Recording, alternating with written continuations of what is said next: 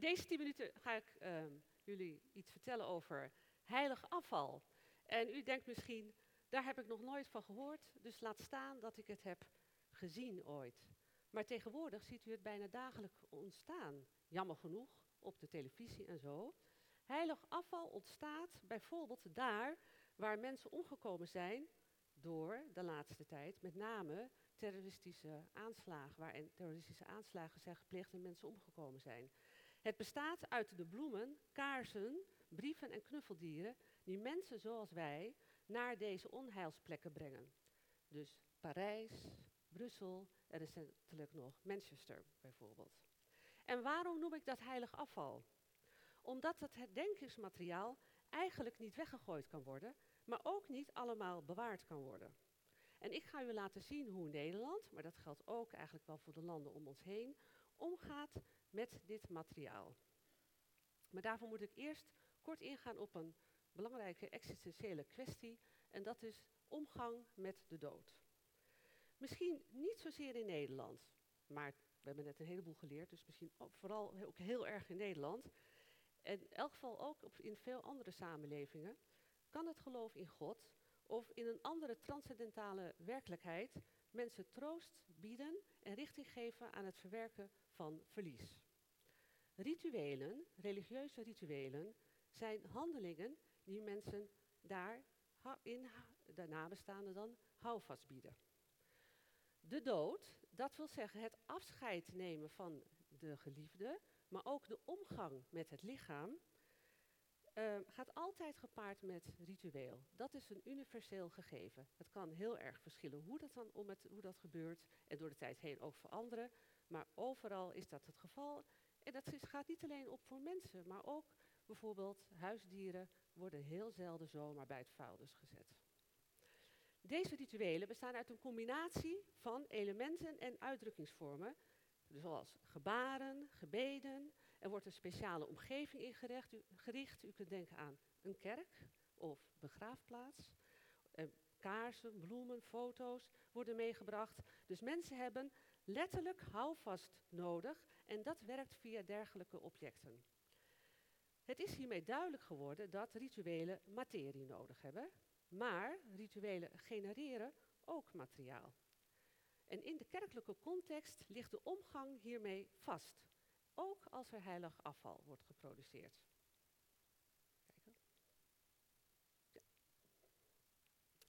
Um, een voorbeeld van een kerkelijk, in dit geval katholiek ritueel, waar heilig afval wordt geproduceerd, is de Eucharistie. De viering van het laatste avondmaal en van de religieuze gemeenschap. Tijdens het laatste avondmaal sprak Jezus tot zijn discipelen, terwijl hij het brood brak en de wijn inschonk, dit is mijn lichaam, dit is mijn bloed. In het kerkelijk ritueel worden de hostie en de miswijn feitelijk het lichaam en het bloed van Jezus. Het is duidelijk dat de overgebleven kruimels hè, van het breken van het brood of de hostie en de druppels wijn, het lichaam en het bloed van Jezus, niet zomaar bij de afwas weggespoeld kunnen worden. Het schoonmaken gebeurt daarom met speciale rituele doeken en handelingen, de heilige afwas.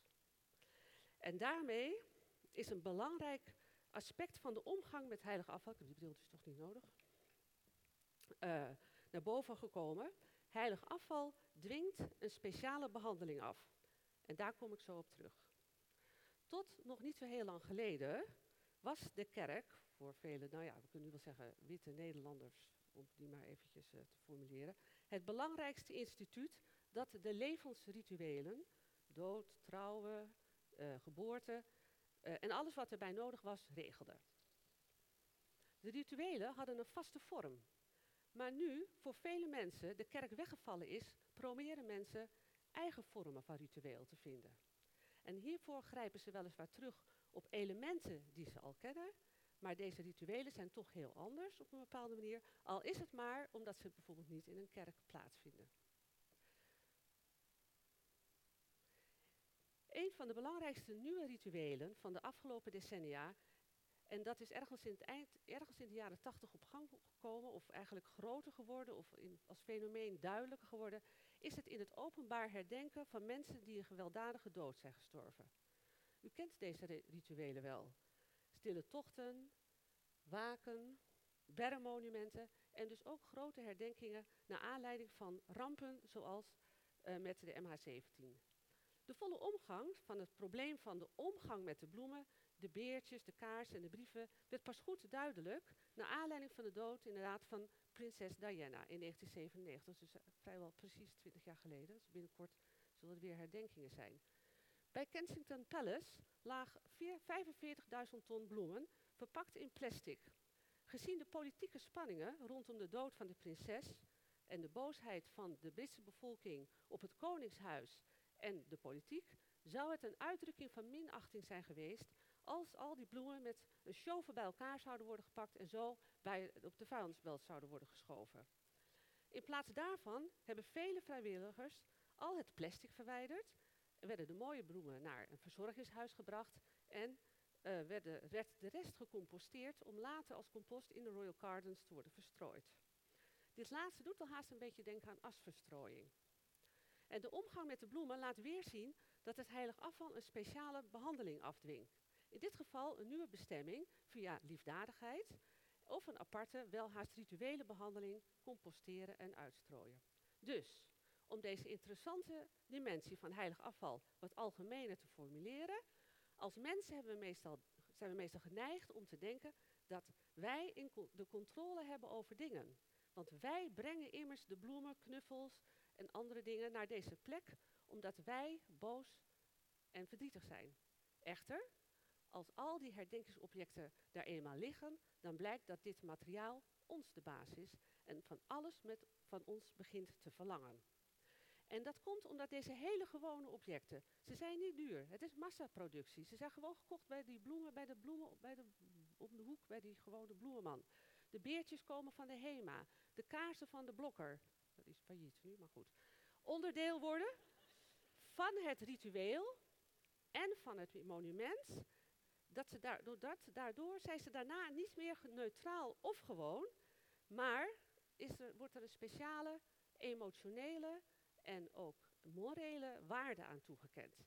En uh, deze waarde die zou je kunnen omschrijven als heilig of sacraal, uh, maar niet in, dus in een niet-traditioneel religieuze betekenis van het woord. En deze heilige status maakt het als immoreel, dat het als immoreel wordt gezien om dit materiaal zomaar weg te gooien of bij het vuilnis te zetten. Het Diana-voorbeeld laat twee belangrijke aspecten van heilig afval zien. Ten eerste gaat het om hele grote hoeveelheden die bijna niet uh, bewaard kunnen worden. Het is te veel. En ten tweede moet er geselecteerd worden. Maar hoe wordt er geselecteerd? Wat wordt er bewaard? En hoe, wat wordt er dan weggegooid? Het gaat bovendien ook echt rotten als je het laat liggen. Wat betreft de Nederlandse casus, oh, ik ben bang dat ik uit de tijd uh, een beetje. Kijk, is het dat bijvoorbeeld Theo van Gogh, je kan zien dat eigenlijk in Nederland bijna altijd materiaal bewaard blijft. Dus dit is de Theo van Gogh opruiming. Uh, je ziet hoe zorgvuldig de mensen van het uh, stadsreiniging omgaan en het allemaal heel precies bewaren. En um, eigenlijk is het zo, dus ik hoop dat, dat, zo, dat we zo even naar die bovenkant kunnen gaan. Ja, je ziet het echt, het materiaal is van, van de Gogh is echt de brieven en de uh, tekeningen zijn allemaal plat gemaakt en schoongemaakt, gestreken.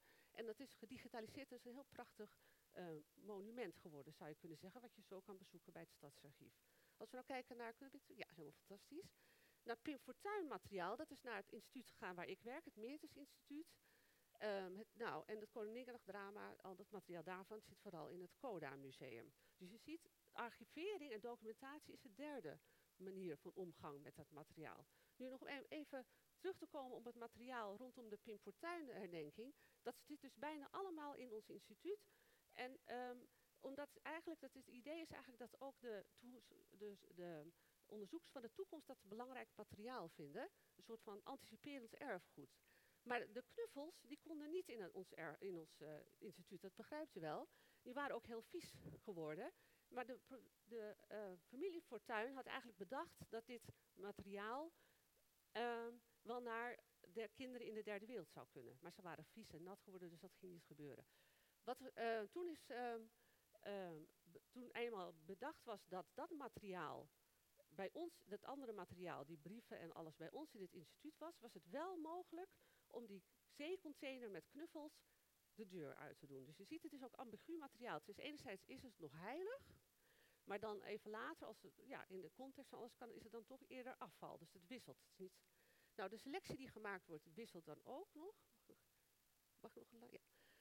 Want bijvoorbeeld als het gaat om de MH17-ramp, dan zien we dus eigenlijk, eh, dat ging ook om heel erg veel materiaal. Ik ga nu echt een beetje over de tijd heen, sorry. Niet heel veel, één minuut nog. Ehm, mag dat nog? Mag dit, ja? Oké. Ehm, eh, dat was heel erg veel materiaal. Dat werd bijna allemaal naar ehm eh, Hilversum gebracht. Het was zoveel dat de burgemeester van Hilversum gevraagd heeft aan de politiek om een nationaal knuffeldierenprotocol te ontwikkelen.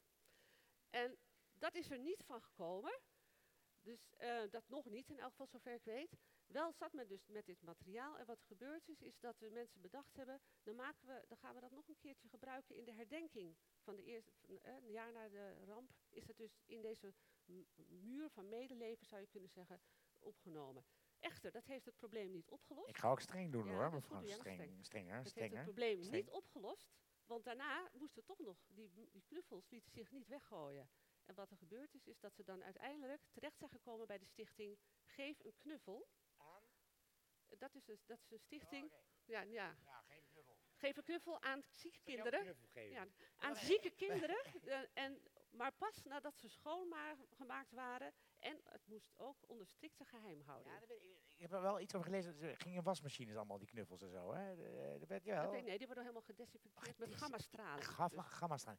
Maar even, mevrouw, ja, sorry. Ja, dat is wel een belangrijk detail. Oké, ik heb niet professor dokter van de Vel, nog niet. Ja, ja. Dit is mevrouw Stenks.